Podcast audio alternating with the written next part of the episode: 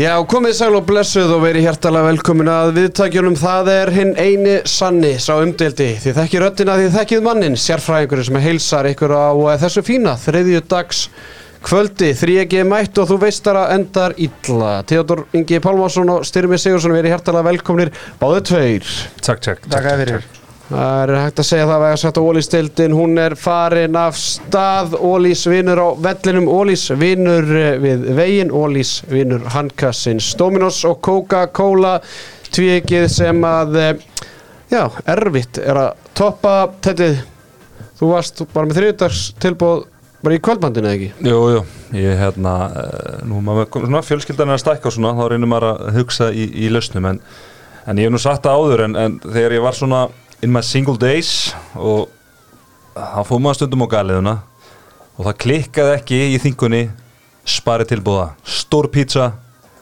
ostagott, ef þessi breytti braustangum í ostagott fyrir auka 100 krónur og tvekja litra rauð kók. Takk. Takk, og alltaf sama pizzan Half medium cheese, half Bahamas. Og gerður það síðan að samloku? Nei, ítal, ítalsku bót Pensla kantana mm, Það var allt í munni.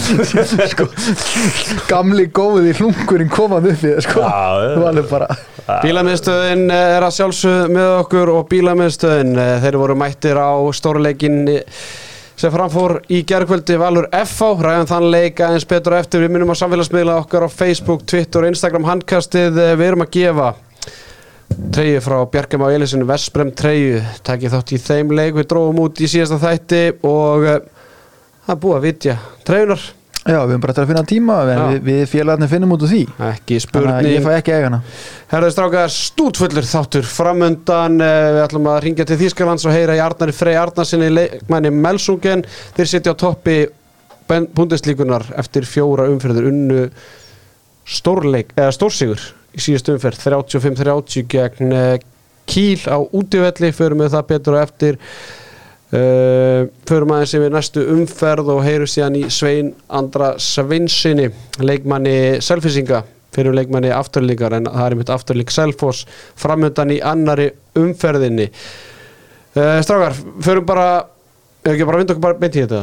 Jú, við nokkuð að flækja þetta? Ekkert að landbúnaði. Herðu, styrmir síminn er með okkur. Síminn sá uh, sá til þess að við gátum hort á Valur FO ég Teddy reynda fórum á leikin en síminn sá til þess að þú gæst sér leikin Ég átti ekki heimakjönd á leikin að ég tók hann bara heima í, í stofu. Og hérna, já, síminn heldur betur Og hérna, síminn pay. Ég kom aðeins inn á um daginn með léttkorti í hafum Með gjaldeiristæmið Það eru líka fleiri kostir við þetta Vildar.Icelandair Það eru svona 6-7 ár síðan að ég kynntist Vildar.Icelandair Það er ekkit eðlilega næs að kaupa sér flug og þurfi ekki að setja krónu út fyrir það, heldur nota bara punktana og með léttkortinu þá getur viðskiptavinnurinn og einstaklingarnir, þeir geta valið hversu marga punta þeir safna fyrir hverja þúsund krónur fæslu 6, 8 eða 10 og bara geta valið semast, hvað henda þeim, annarkoti greiða 1195 á mánu 1500 kall eða 1800 kall ish, þetta er alveg að fara nýri auðra og tölur en þeir getur fundið þetta allt um þetta á símanu.is og ég segi, ég get ekki mælt nógu mikið með þeir getur notað þetta innanlands líka, sko, kefti ykkur flug og akkurir í skíðin og svona. Það er, tetti, ég veit að ég sé það að þú þekkir þetta, það er eitthvað gott að, að bóka ferð út og, og þurfa að leggja neða út. Já, bara máli, ég reyndi að gleyma alltaf að nota þessa effing punta sko.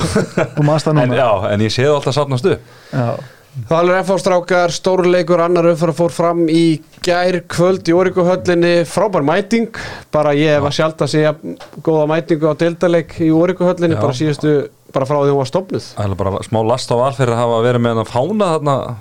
Já, Það var svolítið, svona bara þarna fyrir já. Það var svolítið þröngt. Já, já, það er þröngt með að sáttir sitja. Loka tölur, 27-26 fyrir val. Ég er að fatta það núna, ég er að gleyma að vera tilbúið með þá klippu þegar styrmir talar um það í uppbyrður þættunum að það er leiðilegt að Valur FH skulle vera að mætast svona snemma því að Valur gæti mögulega sínt þeim ekkert leik þegar að líður á tímabilið. Ég man ekki eftir því Manst ekki eftir þessu? Jú, ég man eftir því. Þessi umalið elda sem þú eh, mjólk við stofu þetta Svaraði fyrir þetta styrmir Ég þarf bara að geta sokk minn sem betur fyrir fengu nú nokkuð pör gefins en það í byrjun ás þannig að ég get byrjað að jafla þig bara strax. Og bara kann þið bestu þakki fyrir. Bara bara voru hrikalega öflugir og ég bjóst ekki, ég skal alveg viðkana, ég bjóst ekki við þeim svona góðum í byrjun ás og, og, og hafði það nú sjálfur bara frá innanbúðumann í vala að þetta yrði hægt af stað en, en, en bara, bara hrikalega öflugur leikur í það mikið er og pínu seinir í gang, bjöggi lokar í setna álegg menna ég sérstaklega þegar ég mistu benna út af með rauðarspjaldi þá því að nú rúlar FH yfir þetta en F-fóðingar eru bara búin að vera pínu sloppi í byrjun tímabils og hann voru bara, þú veist, afturhending náði ekki að ganga lægi í fyrstu umferð en Valur hins og að gera það. Það sem ég svona velti fyrir mér eftir að leika því að ég er bara alveg sammála að ég bjóst við því að FH myndi vinna leik og allt þetta og ég er svolítið búin að tala kannski val niður síðustu dag og vikur og það er nú ekki eitthvað til að gera þeim ekkert greiða langt í frá en, en veist, ég fór bara að velta fyrir mér, var valur bara tíu skrefum undan öllum öðrum í dildin í fyrra en er núna kannski einu skrifa undan? Eða skilum við, við vitum alveg að valsliði núna er lakar heldur enn í fyrra mm -hmm. en það má ekki glemja því Valur var náttúrulega 20 mörgum betur enn FH hérna í janúar, februar þegar þeir eru unnað með eitthvað átjamörgum Já, sko, ég, sko, ég horfði á þetta valsliði í gær bara, þú veist, þegar leikurinn byrjaði og svo horfði ég á bekkinu og var líka, þú hugsaði bara, herru þetta er bara helvíti gott lið sko, bara byrjunlið mjög gott, hérna, þú veist Akki, Lexi og hérna, þú veist Maggi, Benny, þetta er bara frábært byrjunlið svo er, mér finnst, þeir eru komnið með meiri breytt í rósneri sinn heldur en voru í fyrra í útrýnuna til dæmis, þú veist, fá Viktor, fá Ísak hérna inn, þú veist, eru ennþá með Aron Dag, skiljur þú veist, Þannig að þú segir Agnars Mári sé frábæri byrjunlið, þú varst með Arnón Snæð, þú varst með Akka á bekknum, sko, þannig að þú veist, já, já, já, já, breyttin á vali fyrra var hún var betur enn í ár sko. Finnst þið það? Já, ég meina, ef, ef Aggi er frábær byrjulegsleikmaður, hann spilaði allar mínúti fyrir Já, ég meina, þú veist, Alexander Pettersson mun spila eitthvað líka, skiljur þú Já, já, en ég meina, þú veist, með Vigni í hlustaðu, þú með Vigni í vinstráðinu, þú veist með Monsa fyrir aftan Monsa var varamæður, ef Vigni er byrjulegsmaður ár, hann var varamæður fyrir ár sem er stífur undan, þannig að þú veist Já, já, just byrjunarlið Þú ert með, með tvo þrista basically. Þú er að tala, er að tala um rósterinn, ég er að tala um menni sem kom inn á bekknum. Ég er að segja það. Auðvitað Stífan, byrjunarlið hefur vext Ég er alveg sammála því. Já, mér, En þeir, mér að með Þeir leikmið sem voru á bekknum í fyrra eru orðið byrjunarlegsmenn í dag. Þannig að þeir hljóta að vera helviti vel mannaðir í fyrra ef að varaleikminn í fyrra eru orðið byrjunarlegsmenn Þeir eru konu líka með Viktor Þeir eru konu með Ísak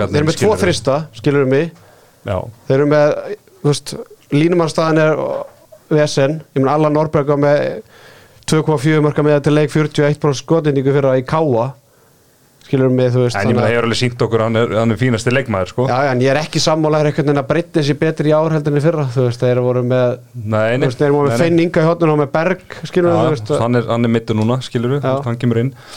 En þú veist allavega, þeir veikju ekki liði mikið með mönnunum á begnum, skilur, þeir rúla liðinu vel og, og svona Það er allan svona, mér finnst betri holning á þessu heldur en við erum búin að vera kannski að gefa þeim kredit fyrir í, hérna, í byrjun tímabils og, og fyrir tímabil og, og veist, við sáum það líka bara, veist, mennir sem kom inn og voru margir hverji bara spiluðu heldur stór rullu í, þessum séri. Já, ég meina, einkoma Ísak Skústafssonar gríðarlega mikil og það var þeim tímabúti sem að svona það gekk ekkert rosalega mikið upp sóknarlega og kemur hann inn og skora tvöld mörg hann og, Viktor komið báði mjög sterkir akkurat, ég maður Arúta varnarlega og, og þar eftir gödunum Bjöggi eh, stýfur heldur betur upp í setnaháleik og, og hérna bara svona tekur heldur mikla að bolta ég meina Robby spila valla í gerð sko. Ég meina Robby spila valla í gerð og Benny vallar. Já, þú veist, ok, kannski þú veist, alveg góði punktar átna með breytina en svona til að setja samt í smá samingi breytinu og val allan og þó eins og hún er í dag að Robby spila ekki neitt Benny spilar í 6 mínútur eða eitthvað, þú veist, eða hvaða 10 mínútur eða hvaða var.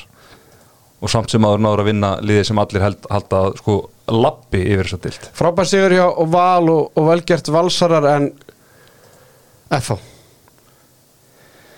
Já, sko þeir geta bara þakka Daniel fyrir Andresinni fyrir það að Það var ekki skítapa Daniel fyrir Andresin með 19 var að bolta 41% markvæðsli tapast samt einu marki. Já, og mér fannst sko mér fannst það að byrja ákveðlega þetta leit vel út í byrjun fannst mér. Og, og hérna þú veist, jújú, jú, skotin hjá Arne voru vissulega að klikka en, en maður sá alveg, þú veist, gæðin í honum. Þú veist bara hvernig það var að hérna sérstaklega þú veist hvernig það var að beru boltan og svona það var að velja velja réttu sendingarnar, sérstaklega yfirtölu svona þú veist, það var að búa til fleiri mörk heldur kannski tölfræðin gefur henni kredit fyrir, það var ofta að á svona nassi í þessu sendinguna sem hann neila bara býr til bara með, hérna, með sendingum hárið dögnabliki en veist, það voru bara veist, fyrir utan Danna Símon, Símon Mikael, hann átti góðleik og fannst ég skil alveg af hverju hann tekur hann út af það til að geta nota Jakob varnarlega en, en Jakob átti hræðilega innkomu sko og annars bara veist, Leonard þrjú þrjú og þreymur Ef að tala um bleika fílinn í herbyggina bleika fílinn? Þú ert að tala um eh, stjörnuna sjálfa? Já, Já, ég menn þetta er bara einhver sko, í fyriráleik þegar hann er með eitt mark úr fimm skotum. Þá var ég alveg svona, þá hugsaði ég heyru, gólfið á þessum gæja er helviti hátt, þú veist. Hann er einn af fimm, þetta er ekki að hérna, ganga hjá honum.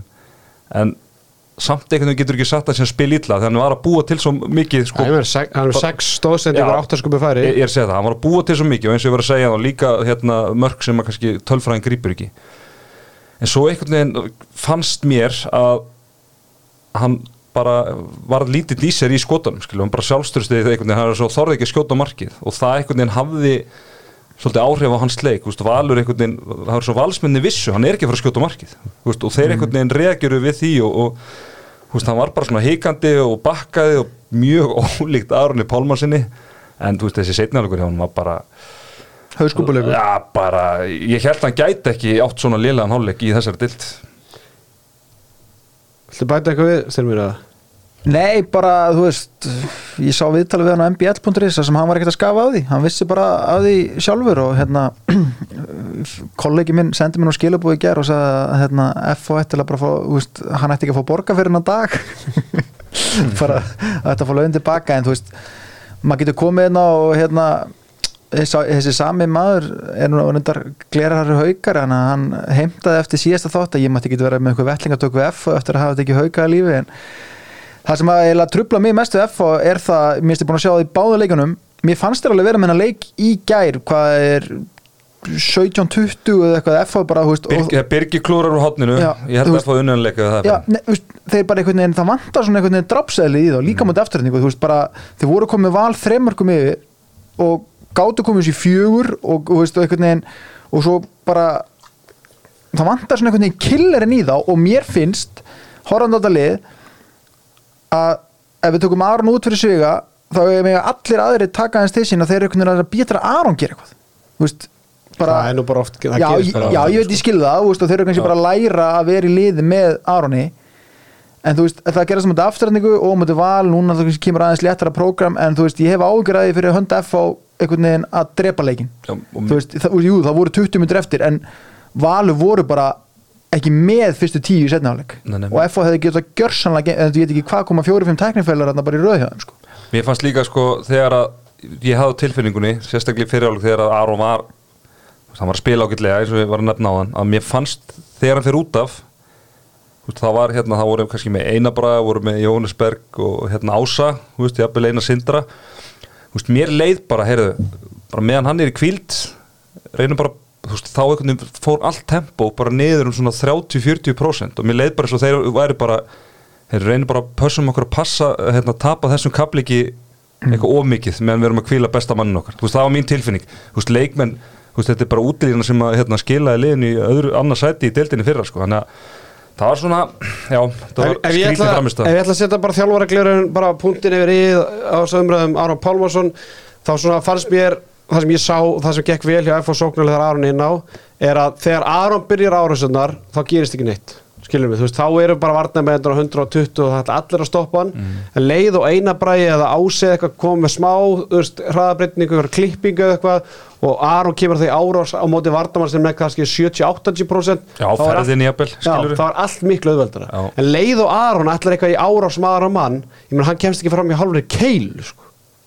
Þú veist, og hvort að það sé að því hann er bara ekki nægilega góð maður á mann Eða líka bara því að vardamenn eru það Mótiveraðar ætla bara ekki að tapa mótunum það er allir að horfa á þetta. Og voru náttúrulega að mæta, að mæta örgulega bestu hérna, þristónum í deildinni sko. En bara þú veist, leið og þeir fængu að fá, fá smá fæslu og Aron fekk smá hjálp áður en hann fór að velja að skjóta Þá gekk þetta tölvöld betur. En þetta, fitnessport, svo er í fitnessport heyrði í sérfræðingnum bara í morgunsári og velti fyrir sér, það kom engin F-fangur til hans, engin leikmann F kom til hans um helgina eftir afturleikin og Nei. þar voru menna þess að svo verðinu þú veist, F-fanginni þeir verða náttúrulega að passa það, þeir verða að- að fó- fóðra sig. Já, já, og, og þú veist að, þú sagðir, þetta er svona stutt, stutt törnarand á, á milli leikja, 50 dagar, mándagar og svona byrjun tímbils, svona eftir eh, kannski þungt, þungt undirbúrstímbil og þeir hefðu átt að fara í High Five eh, Zero steinefnin, freyðutöflunar þú þart uh, að hlaða steinefnum eftir, eftir erfiða leiki og, og svo jafnvel hefðu mátt sig High Five orkugilunum í hálfleik því að annar leikinu röður og að sjá einhvern veginn F-fóingarnir koma alveg með hérna, all guns blazing í fyriráleik en, en svolítið detta niður í, í, í síðaráleik þannig að þeir þurfa eitthvað, eitthvað að fara að skoða hvað er hérna, fá sér í hálfleik. Heldur betur. Strákar segjum skilu við þennan leik frábær leikur, frábær stemming í orikuhöllinni og uh, önnur umferðin hún heldur áfram á fymtu daginn uh, við ætlum að byrja að tala um Body Fuel leikin, leik umferðinar sem er leikur afturheldingar og, og Selfoss á línunni hjá okkur. Er Sveitn Andri Sveinsson, leikmaður Selfoss? Vertu hjertalega velkomin á línuna Sveitn Andri? Já, takk fyrir það. Herru, áður við fyrir að tala um leikið sem framöndan er þá bara langar okkur aðeins að velta þið fyrir okkur og fá bara svörin. Bara, hvernig endur á Selfossi? Uh, ég er raunin bara að tala hérna við, við Þóri hérna nokksum í sumar. Og hérna hann svona pizzar þessu verkefni. Og ég svona þekkti til til svona strákan úr akademíinu og hérna og veit að mjög mikið af, af ungum og sterkum leikum hérna sem og, sem og svona reynslu boltum. Hann að einhvern veginn svona þessi blanda af, af liðinu bara þóttum mér svolítið heillandi og, og, og verkefni sem var hann Kom, það- kom til greina að fara til einhver annars félags hérna á Íslandi eða va- var Selfoss það eina sem kom til greina það? Ég, það kom alveg greina og hérna, en einhvern veginn bara gerist það svolítið seint hjá mér, svona allt saman. Og hérna var svona eitthvað í, í, í viðræða með þá að núti svona svolítið framöttir þannig að ég fór svolítið í þetta svona í setni kantinum. En hérna, en var svona búin að vera í samskjöldum við Þóri svona yfir, yfir sumaræðila. Við heyrðum eitthvað á því að þú hefði verið á, í DB Senkurhöllinni kom eitthvað til greina að þú hefði rendað í haugunum Ég allan æfði þarna þess með og hérna það var, það vantaði náttúrulega nokkra þarna á, á þeim tíma og voru nokkri meðislum og ég er svona kom inn og, og bara byrjaði að koma mér í gang þar og hérna og hjálpaði maður í, í því. Þannig að það er svona kom ekki meir úr því. Segð okkur aðeins frá þessu tímabili í fyrra. Þú ákveður að fara til uh, Empor Rostock uh, bara já, rétt fyrir síðasta tímabil og við höfum svona verið að grínast með það í handkastinu að þú er stungið Gunnar Maggi í bakið hvernig hérna svona bara segir fólki frá aðdraðandunum á, á því öllu saman og bara hvernig var tímabil hjá þér í, í fyrra í Þýskalandi? Já, í rauninni kemur það eins og við talaðum svona svolítið, svolítið seint þarna inn.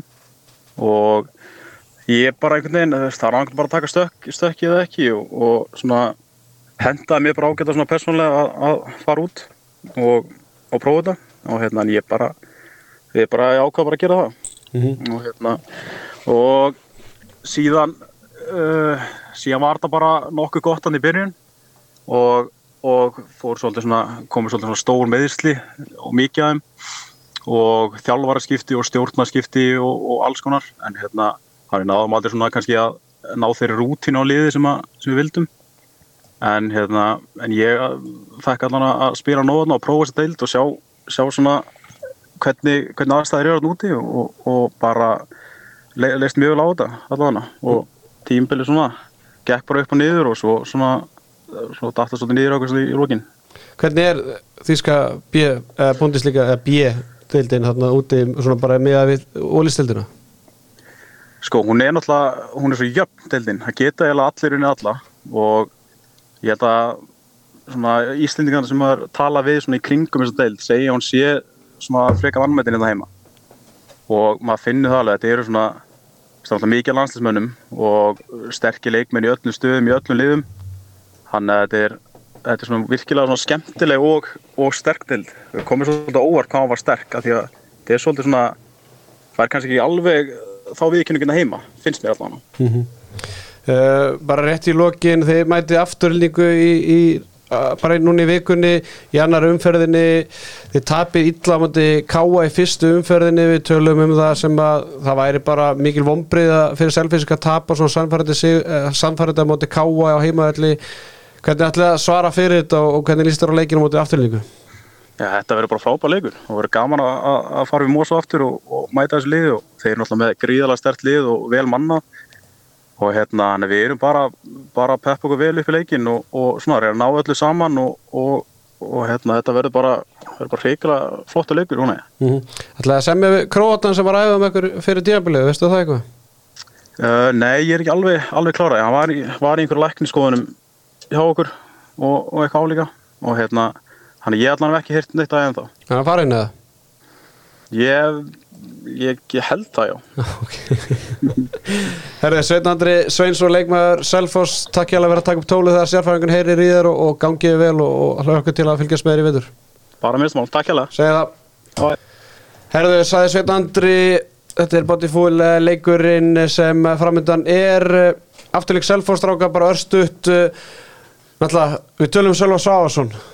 Örfenda undrið frá Selfossi uh, skildum ekkert í því af hverju hann var ekki með í fyrstu umferðinu, við erum búin að fá fréttir af því að hann ákvaða að hætta þremur dögum fyrir fyrsta leik. Jó. hann er að slá þarna metið hjá Berg Eli á gróttinu sín tíma sem hætti þarna þrem viku fyrir mót. Hann ákvaða að hætta þrem dögum fyrir leik. Þetta er, þetta er bara ræðilegt fyrir Selfossi Já, já, og við sem vorum búin að heyra þetta aðeins hérna, að þú heyrðist og hafa heyrt þetta í útsendingunni og við vorum svona þess að fabulera þú veist, akkur Selfoss brást ekki við þessu og, þú veist, þá nefndi ég að það lítið bara mögulega væri að hérna, þú veist, hann er bara hættir eftir í mótur, ekkert náða en sko, það skrítið einhvern veginn þú veist, ok, ef þú búin að fá ógæða handbólta, þú veist, maður er alveg verið það sjálfur þá er bara eitt í stöðunni og það, það, þú, það er ekkit gaman að pína sér gegnum þetta En það er einhver en þú- aðdragandi en- að því. Já, en þú veist að, einmitt, hann vaknaði ekki þremdum fyrir mót og fattaði, herru, ég ætla að hætti handbólta einmitt, þá og skilja, er- er átt- eftir í þessari stöðu þá sko. er einmitt fiðringurinn eiginlega tíðanbílar að byrja sko, Já, búin já. allan viðbjóðan sem að hefur verið í mæ, júni, júli og, og ágúst þannig að það, það, það er einhver það er eitthvað að einhver saga ósögð Já, af því að það, hann hef- hefði pottið þér að fara að spila hell Já, bara stráku sem að þú veist, hann kom alveg fyrra á listi svo sem alveg oft á tíðum ágætlega sko og, og bara það þeir voru í mislavandræðum oft og, þá spilaði hann kannski meira en, en þeir ætluð en hann er fengið rísa hlutur í, í vetur sko. Akkurat, uh, er ekki bara öðvöldu sigur hjá Mósvellingum uh, Styrmir? Jú, ég held að þetta verði gönguferð í garðinum og bara, ég hugsa að Mósvellinga bara takja þessum leik fegin sendi aðeins til að drilla sig saman, búin að spila tvo leiki núna við IBF og FH, tapa báðum að það verður fínt að fá bara eitt sigur á, á hérna á blaðið. Svo segja líka stuðlanir Stíðarnir segja það að auðveldur heimasigur. Já, Stráka, vindum okkur norður, Káa fram styrmir, förum bara hrætti yfir þessar leiki sem framöndan eru, Káa fram eh, bæði lið með tvö stig framaröndni með góðan sigur á móti gróttu í fyrstu umferðin og Káa menn fóru á Selfoss og unnu þar sannfærandi sjömarka sigur, þetta er atklisverður leikur Já, þetta er svona leikur eins og þú varst að tala um þegar allir voru að senda þig í síðustu umferð með hann að Selfoss Káa, ég myndi ekki snerta þennan leik með priki sko, þú veist ég hallast eða meira að því að Káa vinna leik bara upp á stemninguna ég, ég held að þessi Sigur og Selfossi hafi gert svo ótrúlega mikið fyrir Káa og líka bara samfélagið og Það væri frábært að sjá frábæra mætingu í já, þarna. ég hugsa þetta sé bara, ég hugsa þetta sé ekkert aðeinslu leikur fyrir framar að fá svona í annar umferð veist, með svona mikið meðbyr sem að Káa er með núna því að framar að voru alveg í bastli við, með hérna gróttuna eins og hann. Rúna kom inn á skilur þetta er svona búið að vanta marka og svona búið að vera púsli í sumar hann að hérna, já, ég myndi bara stay away en, en, en svona ef ég eh, ef það væri með að byssa við hausuna með núna þá myndi ég, ég setja káa sig á þetta bara upp á stemninguna. Káa líka, þeir þurfa að sína eða þú litur mjög lítið fyrstu umferð og ætla þeir að vera kannski svona að keppa við liðið svo fram og stjörnuna, eitthvað slíkt eða ætla að vera í, Selfoss gróttu, háká, eitthvað, eitthvað þannig pakka sko, þú veist, eins og þetta lítur eftir eh, fyrstu umferð. En þannig að já, ég, mér ká að líta vel út í fyrstu umferð og ég kemur ekkert orð þegar myndu bara að klára þetta. Já, aðtiklisverðir leikir framundan, það er bara næsti leikur. Við erum búin, það, það má ekki glemma því að náttúrulega FH Valur var náttúrulega í annar umferðinni. Svo erum við búin að tala um afturleik Selfoss, Káa fram mjög spennandi leikur og síðan förum við í ásvellina þar sem að liðin sem að eru án stiga, haukar og stjarnan mætast haukarnir er að koma eftir tap á móti HK í fyrstu umferðinu og stjarnan eftir bara stórt tap á móti IPVF Tetti, hvað séu þarna? Vá maður, sko, sko þrátt fyrir að stjarnan hafi tapað sko, með tímörkum á móti IBF og, og haukar hafi bara tapað með einu móti, eða bara með einu, töpuð fyrir háká með einu marki. Að þá held ég að stjarnan taki miklu meira jákvæmt út úr sínuleik heldur en hauka gerðu á móti háká. En sko, ég trú ekki öðru en að hauka menn rífi sig upp og, og, og klára þennan leik því að ef ekki þá er þá voru að tala bara svona svipa vesen og var í, í byrju tímbilsi fyrra þá var alveg svona skjálti sem enda náttúrulega bara með því að Rúnar þú veist fóru, þetta fekk frábært tilbúð frá Þýskaland og allt það en þið munið að lefti því að var alveg skjálti og það bara verður svona eitthvað svipa dæmi í gangi sko. Stimmið eitthvað við, þetta að bæta? Nei, bara sammála þessu ég, ég, hallast, ég, eins og ég, ég hallast líka að hauka sér eins og þetta sko.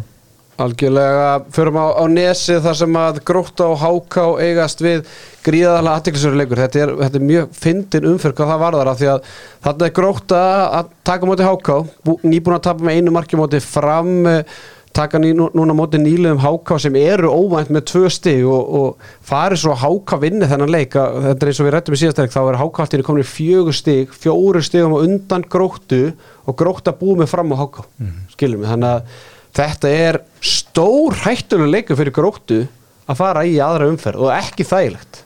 Já og þú veist eins og segir missa á fjórum, fjórum stöðum frá sér og, og er einhverju svona sjáum fyrir okkur sem leik kannski verða ekkit með verða kannski, veit ekki, með 10 til 16 stíg, eitthvað, eitthvað þannig skiluru Sex, já, eitthvað, eitthvað 14, 14 til 20 14, já, þú veist, það er svona fyrir aðeins eftir hvar við teiknuðu upp en, en veist, það er bara fjögur stík getur verið alveg heitt hellingur ef að, ef að hérna, Mhm. tímabilið þróast þannig og verður ykkur fallbáratu og ég líka held sko að það hjálpi gróttu að háka að vinna hauka. Þeir taka á röglega alvarlega, koma miklu gýrar inn í leikin og bara, þú veist, veitandi það að þeir megi ekki missa á fjórustum undan sér, þannig að ég hugsa sko í undirbúningi gróttu fyrir hennar leik hafi bara verið fínt fyrir þá að háka að vinni Ég ætla að vera ósamaður þarna Já. því að þú veist, grótt er alltaf að taka, há- taka háka alvarlega í þeirri stöðu sem þeir eru. Ég held að það sé bara meira ég held að það sé óþægilega fyrir grótt að fara í leika því að þeir hugsa bara við bara megum ekki tapa. Þú veist það er bara veist það er einhvern veginn bara það er sjálfskaði fyrir gróttu að tapa mútið háká í þessu leik og vitandi það að vera búin að missa á fjóru stöðum á undan sér. En hvernig spáur þessu leik?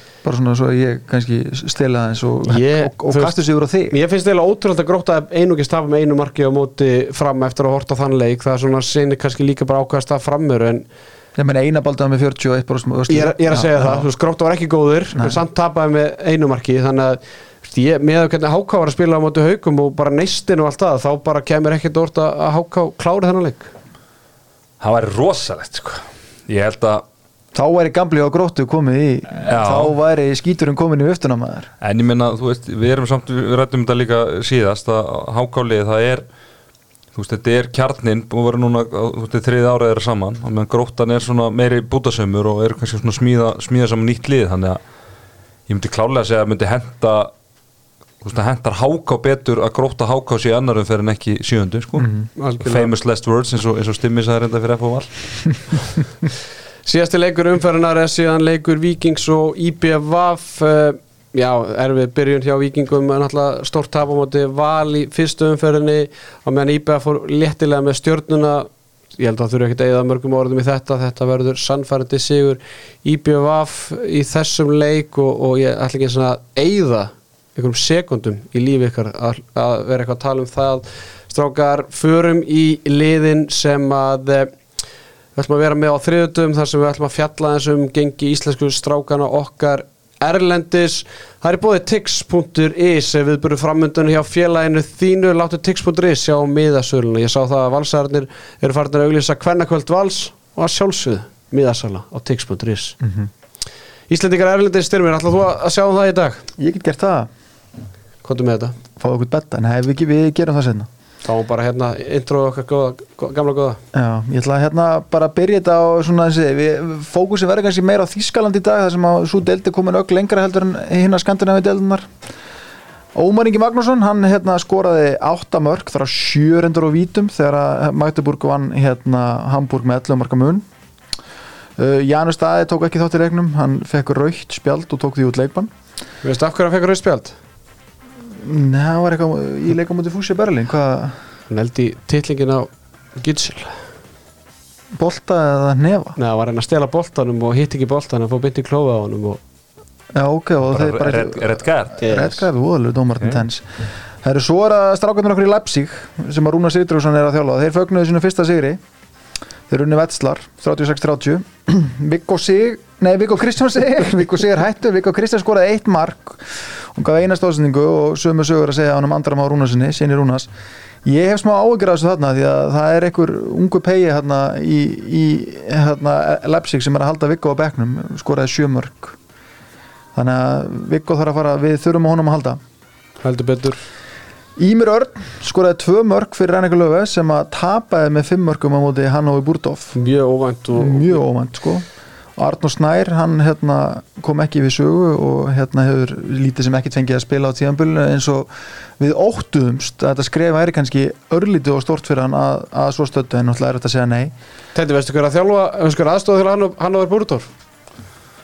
Heima Felix. Góður. Heima Felix að Ekki sjálfsög rétt. aðstofa þjálfur hann var búrútor og þeir eru einmitt og hafa byrjað tíðanbölið nokkuð óvænt, þeir eru sitt í þriðasætinu með sjö stiga og átta mögulegum. Akkurat. Herðu, Ellisnæð Vignarsson, hann skoraði fimm mörg í þryggjamarka tapi í Gúmisbakk í Göppingen Ekki Viðarsson sagði ég eitthvað Vignarsson ég er fyrir gefið maður. Bæjastjórin, sveitastjórin Geði í Ölfus. Býst afsökunum þessu.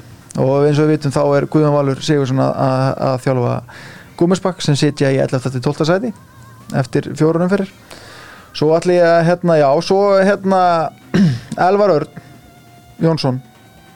Eða viltu kannski nota þetta sem viltu ég enda þessu? Já, ég er að lesa það nú Herri, þá ætlum ég að snó- hoppa örsnögt yfir landamæri til Fraklands hvað þetta hlæði Arnum minn? Viktor Gísli og félagar í nánt unnu 39-37 á Saint Rafael þar sem Viktor Gísli fór á kostum í markinu og var í 20 skot. 37 búr á stöðslu. Og félagans í landsliðinu Donni var einnig í hörkuformi þegar hérna, félagans í Pák unnu uh, Kretel með 5 marka mun. Og þar var Donni með 7 mörk í 8 skotum 8 auk þar 5 stóðsendingar og virðist vera að finna sér nýja vel með undir, nýju, undir stjórn nýjast þjálfara hjá Pák. Við, við munum allir hvernig sagan var í fyrra. Hvernig var hún aftur, segða hana? E, við skulum bara, við, við reyðum hann upp síðar. Það verður rúglega gerð þáttaröðum þetta. Já, eða góðu Facebook pistill. Nú ætla ég að hoppa aftur til Þýskalands. Takk fyrir það Já, takk, ég hef, átt að lesa þetta er svona, við erum aðeins að finna svona fjölina í þessu. En Elvaröld Jónsson var hreint magnaður í Sigri Melsungen á Kíl á útivelli þess að skoraði nýju mörg og bara Melsungen sitja á toppi deildarinnar öllum og óverum með hvað fullt úr stiga. Og ar- einnig var Arnar Freyr Arnarsson hann stóð sér hrikalega vel skoraði þrjú mörg og bara var eins og klettur í vörninni eins og þessi virkilega óvæntar lokatölu 35-30 á heimavelli í Kíl. Það er ekki mörg lið sem fara þangað í gegnum árin og, og hérna ná í, ná í tvo púnta Nei, heldur betur ekki og, og fyrst eru komin að þanga þá skemmtilegt að segja frá því að ég heyrði Arnari Frey Arnarsinni leikmæni Melsungi en áður við fórum í tökur og, og ég ætla að leiða ykkur að heyra það viðtal. Já, línunni er landslis línumadurinn Arnar Freyr Arnarsson og leikmaður Melsungin sem situr á, á toppi búndisleikurinn eftir fjóra umfyrðar Arnar Freyr, verður hjartalega velkomin á símalínuna. Já, takk hérlega fyrir, takk hérlega fyrir. Ég er bara mjög góður, mjög góður. Jú, jú. Herri, þið voru að vinna svakalega sigur gegn Kíl um helgina í, í fjóruðum fyrir í búndislíkunni uh, hvað er þetta ekki einhver stærsti ósigur Kíl á heimavelli bara langa tíma? Þa, það getur vel verið, sko. Ég er ekki alveg klár á því, sko. Eina svona staðfiki sem ég veit um er að síðast þegar Melsvangin mann í Kíl var 2012. Það er einu sem er svona. Þannig að þetta er langt síðan að Melsvangin hefur unnið þarna upp frá. Segðu okkur aðeins frá þessu leik hvað hérna, og bara svona byrjun á tíðanbyrjunni hjá okkur þeir eru á toppi deildarinnar með fullt úr stiga eftir eh, fyrstu fjóra leikina og uh, já, bara örgu sigur í, í fyrstu öfyrirna mútið Göppingjan með tíu mörgum og, og síðan bara, já, það er bara byllandi gangar á sig hjá okkur Já, já, það er búið að vera það. Uh, sko, já, við erum búinir að vera kannski smá hefnir, við erum búin að fá náttúrulega þrjá heimileiki í röð sem er kannski ómunilegt en, en, en með kannski hinn árið sem ég verið hérna þá höfum við kannski tappað eitthvað um þessu leikjum eins og maður til Leipzig vinnum með það var ekkert mikill munið þar á. Þannig að það var kannski það er kannski mismjörun á þessu tímabili er að við náðum að klára hann leik. Þannig að við vorum með þrjá sigra eh, á fyrir hennar kíleik og svo bara spiliðum við ógæslega vel á mæti kíl hérna þannig að það er svona vorum alltaf með sjálfstætt í botni og, og vorum vel undirbúinir fyrir þann leik. Þannig að það er kannski það er kannski skópin að segur kannski sjálfströst og vel undirbúinir Já, og Elvar Örn átti ágætast leik þarna hjá- fyrir ykkur í, í Melsungen? Já, hann var, hann var, hann var mjög góður sko. Þeir hérna þú veist, byrjuðum ekkert allt og vel, það var komið til 7-4 eða eitthvað. Og hérna en svo náðu við að jafna þetta hann í hálfleik. Svo byrja, svo náttúrulega fara þeir í 7-6, gera mikið að mistökum finnst mér, kýl og hérna og, og þá, fengum við að skora þessu auðvildi mörg uh, þá þurfti þeir að fara að breyta ýmsu og, og þá ákveður að gefa elvari bara mikið pláss og þannig að það ef þú gefur elvari mikið pláss þá, þá nýta hann sér það tækifæri og, og hann gerði það vel í þessu leika allavega Mhm. bara svona fyrst við erum að tala um elvar, ég meina það er kannski ekkit margir hérna heima sem að eru kannski að horfa mikið á Melsungen og, og horfa náttúrulega bara elvar örd með landsliðna sem er, er mest megnist bara í varnar hlutverki en, Já. en ég meina hann er að skora nýju mörgum átti kíl og skora áttu mörgum átti göppingin í fyrstu umfyrirna þannig að þú veist hann er frambærilegu sóknamaður einnig Já, já hann, hann er það sko það er, hann, hann er klálega það sko. Hann, hérna, meina, hann er búin að vera líka í fyrra sko. Veist, hann er, hann er mjög góður í sók líka sko, menn kannski einmitt eins og þú segir, menn sjá kannski bara landslið og, og hvernig hann er að gera þar. Hann kannski er ekkert eitthvað eitthvað kannski mikið að skora en hann alltaf er drullu góður í vörð líka. En hérna í Melsungen þú veist, ég meina hann er að hann var eiginlega í varnaskiptingu á múti kíl sko, hann að, eða skilur sóknarskiptingu en hann fekk alltaf vera bara í sókn hann að, þú veist hann, er líka góður í sókn, hann má ekki glemma því. En, en segðu okkur hlustendum bara svona, hvert er þitt hlutverk og, og, og bara svona í, í Melsungin? Ertu að spila vörn og sók bara í lungana leiknum eða ertu að deila þessu með, með öðrum eða? Uh, já, uh, ég er náttúrulega að spila bara vörn og sókn. Uh, það hefur alltaf verið hérna í Melsungin. Uh, uh, já mitt hlutverk kannski, var ekkert mikið hlutverk fyrstu tveimur leikjunum. Uh, ég verði að vera hreinskilin með það ég spila nú ekki mikið í þeim leikjum. En uh, svo fekk ég hérna á móti Hamburg fekk ég tækifæri og gerði bara ágætlega spilaði vörn og sókn mikið þar og og svo eins og í Kíl þá kannski ég byrjaði nú ekki þann leik en, en kom inn á eftir hérna 10-12 mínútur og spilaði þá bara eiginlega restin af leiknum. Hann að hann að maður er allan að nýta tækifæri þegar, það gefst. Það alltaf er uh, já, mikið legend að- að þjálfa ykkur í, í Robert, Roberto Garcia Parando sem er alltaf spámerinn og sem tók við liðinu af gumma gum fyrir hvað þremur árum. Þetta er þriða tíðanbili hans. Þetta er náttúrulega hann ætlar að þjálfa Egiptaland á HM á síðasta ári og hefur náttúrulega verið að þjálfa Vardar í, í Makedóníu og svona hefur gert garnið frægan bæði sem leikmar og, og þjálfari Þú náttúrulega varst í Melsungin þegar gummi gumma með liðið og, og síðan kemur Parando og tekur við liðinu. Spánverjarnir hafa nú ekkert verið að ríða feitum hesti sem þjálfari í þýsku búndesleikunni en, hvernig þjálfari er Parando og, hvað hefur hann svo breytt eftir að hann tók við liðinu af, gumma gumm? Já, uh, já, góð spurning sko hann náttúrulega, hann er öðruvísi típa en gummi sko hann uh, spilar öðruvísi uh, hvað, já, má segja varnarleik, hann er náttúrulega mjög taktískur þjálfari eins og flesti spánvera kannski eru. Það er mikið lagt upp á svona smáadröðum og, og þannig. Uh, hann náttúrulega er kannski ekki þessi típiski Uh, þjálfari kannski sem er að þjálfa í þýsku deildinni, hann er meira svona eins og spánverið, það er svona hóta og falla og, og, og svona skerða sendingar og kannski gefa eitthvað sendingar og reyna að stela þeim okkur svo leiðis hann að þetta var alveg erfitt að venjast þessi í byrjun sko, ef maður hinskilinn þetta er svona öðruvís en Íslingur eru vanir. Þetta er ekki bara brjóta, brjóta, brjóta. Það er líka eins vera það er ekki alltaf að vera brjóta sko. Komu anstæðingur bara í, erfiða stöðu? einmitt, einmitt komin erfiða stöðu og kannski láta hann gera hluti sem er ekkert vanur að gera og hérna og kannski taka tempóð á hans leik, þú veist en samt vera þjættir, skilur ekki kannski alveg að taka hann umferð en, en svona, þú veist, aðeins að taka tempóð úr honum og hérna og það er kannski svona mjögundir sko á þessum tveimur þjálfurum sko, finnst mér. Hvað hérna, þú veist, þið fáið til ykkar ágætis leikmenn fyrir þetta tíðanbil og, og hérna Kristopanis Kristopanis sem er kannski svona stærsta nafni alltaf stærsti leikmaðurinn, hvernig er að æfa með honum og, og hérna vera með svona leikmanni sem er ekkert eðlilega hávaksin en samt reyfanlegur og, og getur alltaf bæði að spila vörð og sók Já, hann er náttúrulega þú veist, þegar þú ert 4 og 15 það, það, það hjálpa þér rosa mikið sko. Þarf hann að beigja sig þegar hann lappar inn í klefan eða? Já, hann þarf að beigja sig bara við allt bara, það er bara það er bara allar hurðar eru ólitla fyrir hann sko, það er bara því miður sko, greið, hann var í flugvél fórum við æfingarferð í flugvél. Maður var bara leið illa að sjá hann sitja hann í flugvélni sko.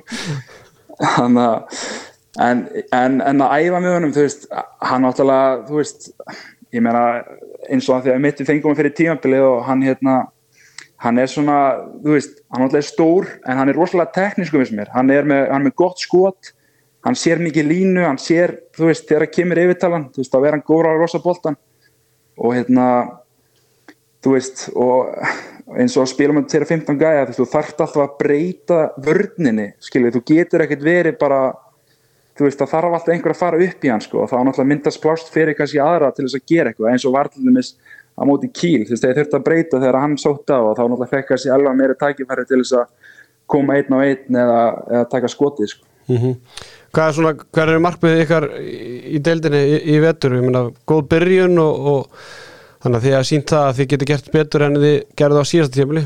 Já, ég bara, markmið er bara, þú veist, það hefur alltaf verið markmið hérna að komast í Evrópu og ég held að það sé bara ennþá markmið hérna sko.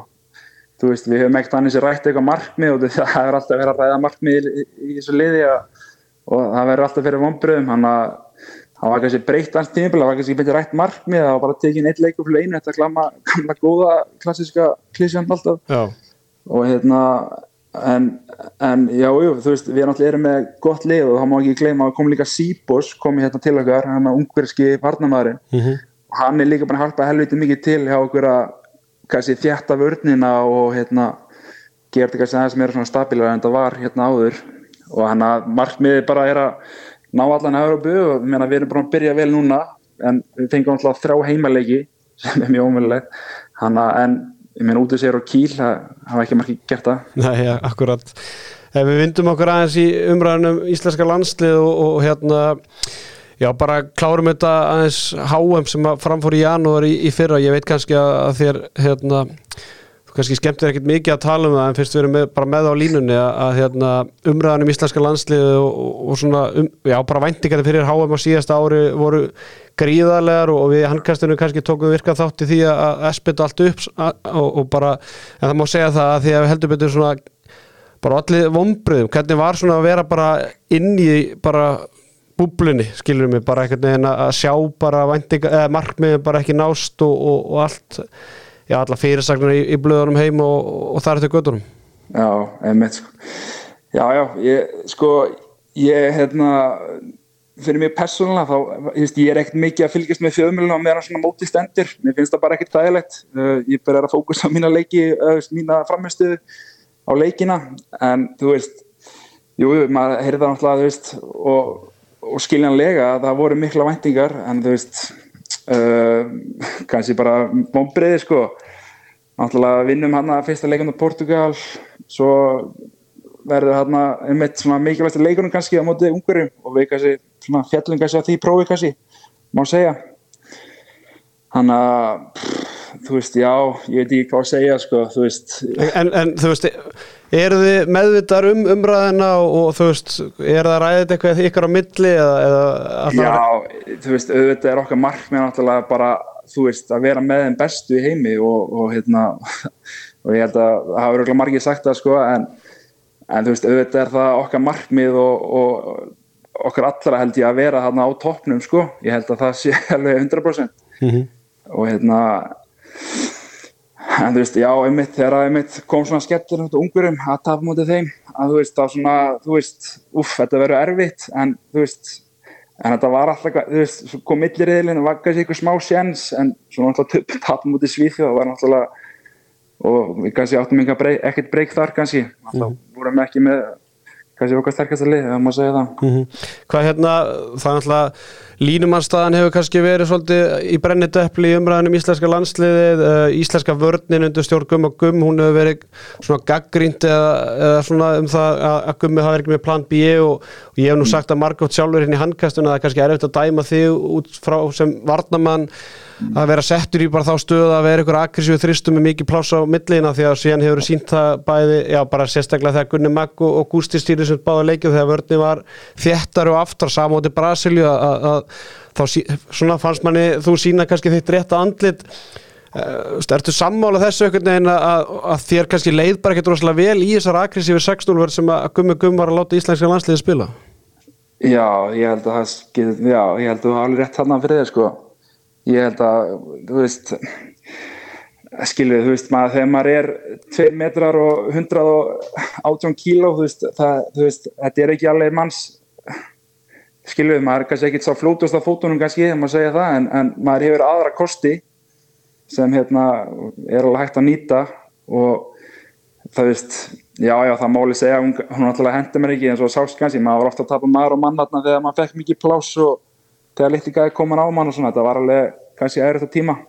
Var, tók, var þessu umræð aldrei tekin eða skilum við þegar leikmenn bara hlusta á, á þann sem stjórnar eða þú veist, það var aldrei umræð að teki bara, herru, þurfum við ekki að þétta okkur bara aðeins og, og hérna, þú veist, þetta gengur bara ekkert. Ég, bara, ég ræði ekki, við, ég get ekki teki hérna bara, já, bara bestu miðumenn í heimi bara maður og mann með, þú veist, þryggjum þetta radíus í kringum mig.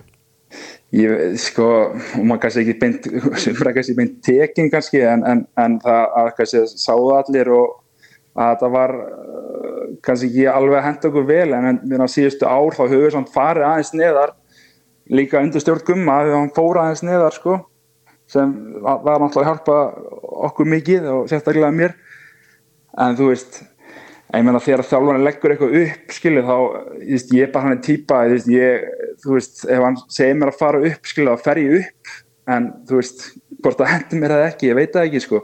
Nei. En það er alltaf svona þín skilabotni til nýstjálfur að Snorra Steins að bara guðan á bænum reynda að spila aðeins aftar og, og þéttum um vörnina Já, ég meina, hann getur hort á kannski killeggin og þá kannski, kannski, getur hann að tekja eitthvað, eitthvað smáur vörðinni þar kannski. Hvernig líst þér á, á nýja landslýs að var bara rétt í lokin?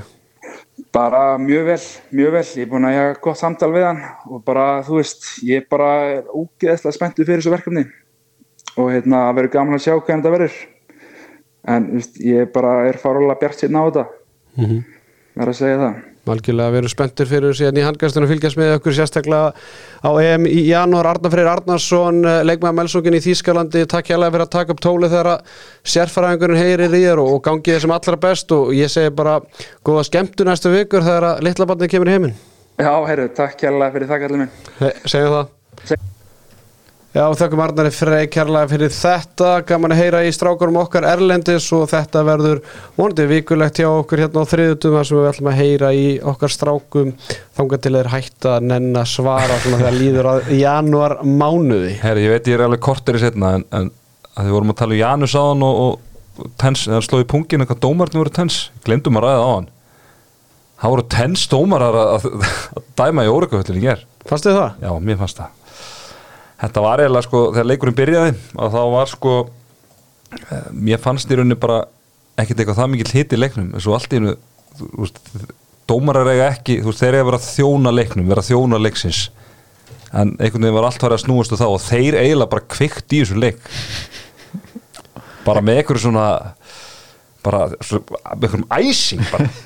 Það var ótrúlegt að horfa upp á þetta sko. En eftirlismæður var nokkið volað tensárlega alveg sem svar Nei, hann var fullslagur og misti þarna af uh, tvísasinu þar sem valsminn voru, voru margir inn á. Hefði engin áhrif á leikin Nei, neða samt Þú veist, það hafði ekki áhrif á leikin þegar þú voru inn á en rétt skal vera rétt Já, og, og tvísar tvær mínútur það hefði nú heldur betur geta breytt ymsu Sammála því strákar eh, áður við fyrir í El Grandi í lok þáttarins þá ætlum við að fara eins yfir úslitin í fyrstu umferðin í Ólistil Kvenna sem framfór um helgina. Þá voru nokkru hörku leiki sem fóru fram og uh,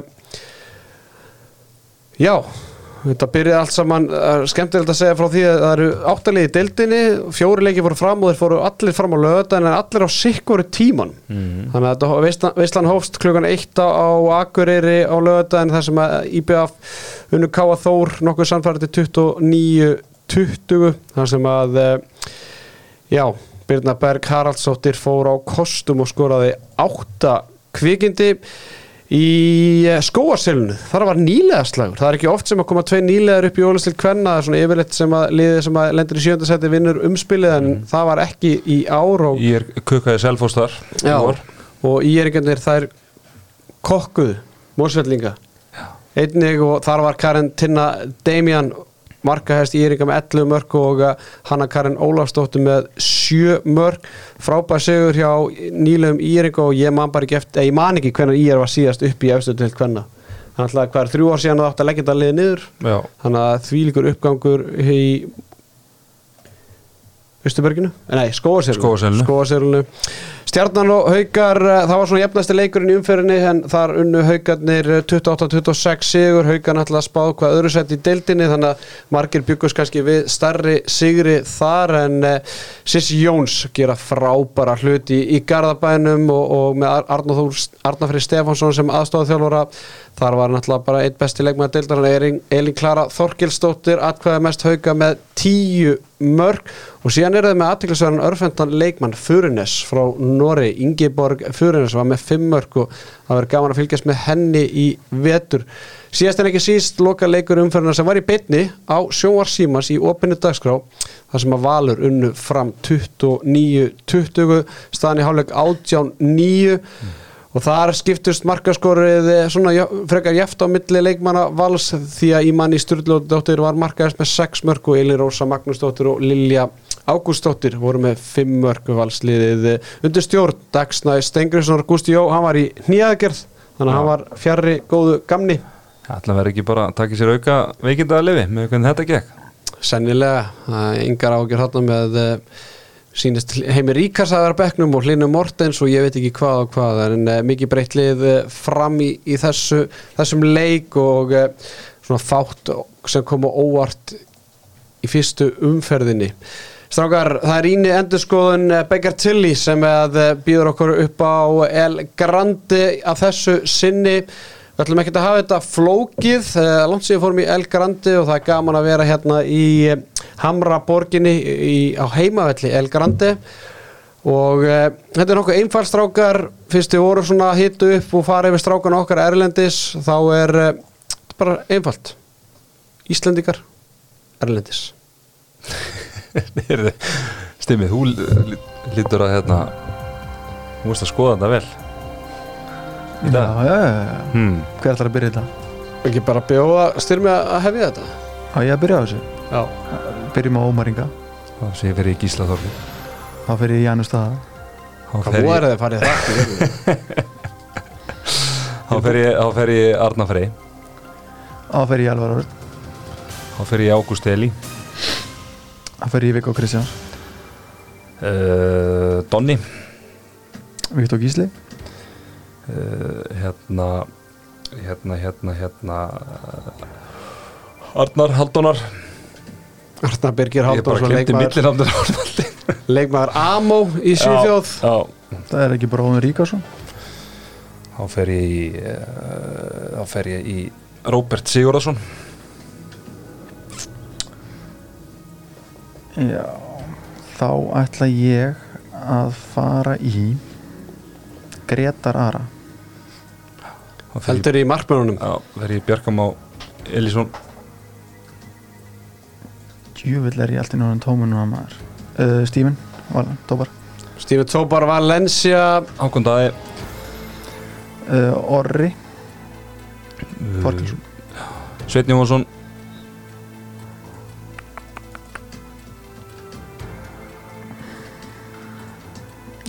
Sigvaldi. Svivaldi eða Sigvaldi? Svivaldi, Svivaldi Þá fer ég Elliða Vignis eins og stemmi kallaði hann á hann Elli Snær Viðarsson. Andri Mór, Rúnarsson. Teitur Örn Einarsson. Við erum heldur lungnir í þessu. Það er nú ekki margir eftir Það er þó nokkur eftir Styrir mér á leiki El Grandi í bóði Begartelli Rýni endurskoðun með okkur að sjálfsögðu þessu fína þriðjudags kvöldi önnur umferðin framundan eitt leikur búinn fórum yfir hann í upphæði þáttar og fimm hörkuleikir eftir.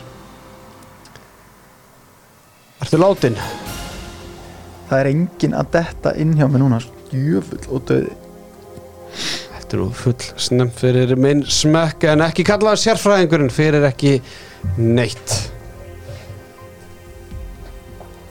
gott útvarp hérna Nei, ég góð. ég bara verða að játa mig sigra það núna Þetta, viltu koma með runna? Einar Þorsteinn var eftir uh, Skari Ólafs Óskar Ólafsson að sjálfsögðu uh, Hverju áttu við fleiri eftir þarna? Voruð þið búið með ími eða? Nei, Ímir og Arnór Snær Ímir var eftir, já, Arnór, já, Löfen bræður Ég var að nefna það fyrir korteri síðan. Já, Það var Dagur Gauta, Ásgeir Snær Vignesson Elvar Ásgeirsson, já, já Danmörk var hérna Hauku Þrastar Tumis Steinn Rúnarsson eh, Bjarni Jesus Valdimarsson Otto Gretarsson, Daniel Þór Ingarsson Darri Aronsson Tryggvi Þórisson, Ólafur Guðmundsson Þorgils Jón Sölu Baldursson Dagur Sverri Kristjánsson. Ef við erum að gleyma einhverjum þá er það illa illa séð en þetta var allavega þeir Íslendingar sem ég með á blaði. Já, já, þetta er, vart Skandinavi er ekki komin í gang sko. Maður er aðeins að vakna þar sko. Já, þau vart með Tökum þetta aftur í vor. Þú ert með Elgarandi þemað þá er hann er þetta að tekið saman hérna í, í Dóttu fútból, svona segulhlutall og ég get ekki séð betur en ég er með hæsta hlutall Það er sjokkarandi að þú hefur vunnið Við mættum sér þetta Já, það var að játefli Já, þegar ég hendi, hendi, hendi hérna Magga átna, og, já. fekk, og, og tapaði það og svo Já, já, já þá átti hann einn Þá er ég landsleik. heimi á mér öskrandi útvarpi bara Þetta er rétt. Já, já, Já, Herðu, strákar, eh, frábæð þáttur komin að enda. Ég er bara ekkert eðla spenntu fyrir þessu leiki sem, koman, sem eru framöndan þrý leikir á, á fimmtudaginn síðan eitt leikur á föstudaginn og síðan líkur umferðina á laugardaginn. Við erum ekki alveg búin að ákveða hvernig ætlum að vera strákar ef að gera núna eða bara síðar. Voru ekki talað um föstaskvöldi?